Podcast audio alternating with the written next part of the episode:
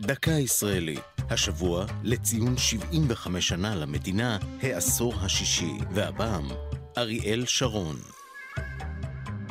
בשעת ערב, בדצמבר 2005, הגיע לבית החולים הדסה עין כרם ראש הממשלה דאז אריאל שרון. הוא עבר בדיקות רפואיות, והתברר שלקה באירוע מוחי קל. כעבור ימים אחדים, שוחרר שרון לביתו בחוות השקמים.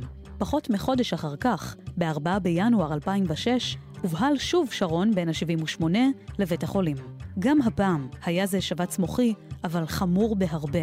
שרון שקע בתרדמת, ומאז לא התעורר. סמכויותיו כראש ממשלה וכמנהיג מפלגת קדימה, שהקים רק חודשים מספר קודם לכן, נשארו בידי ממלא מקומו, אהוד אולמרט. פועלו של שרון כראש ממשלה נקטע.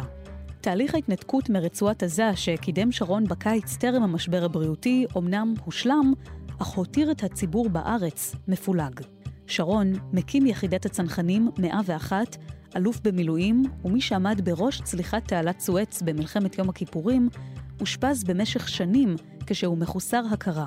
ב-11 בינואר 2014 הלך לעולמו ראש הממשלה ה-11, והוא בן 85. זו הייתה דקה ישראלית על העשור השישי למדינה, ואריאל שרון. כתבה מאיה רכלין, ייעוץ יוסי אחימאיר, עורך ליאור פרידמן.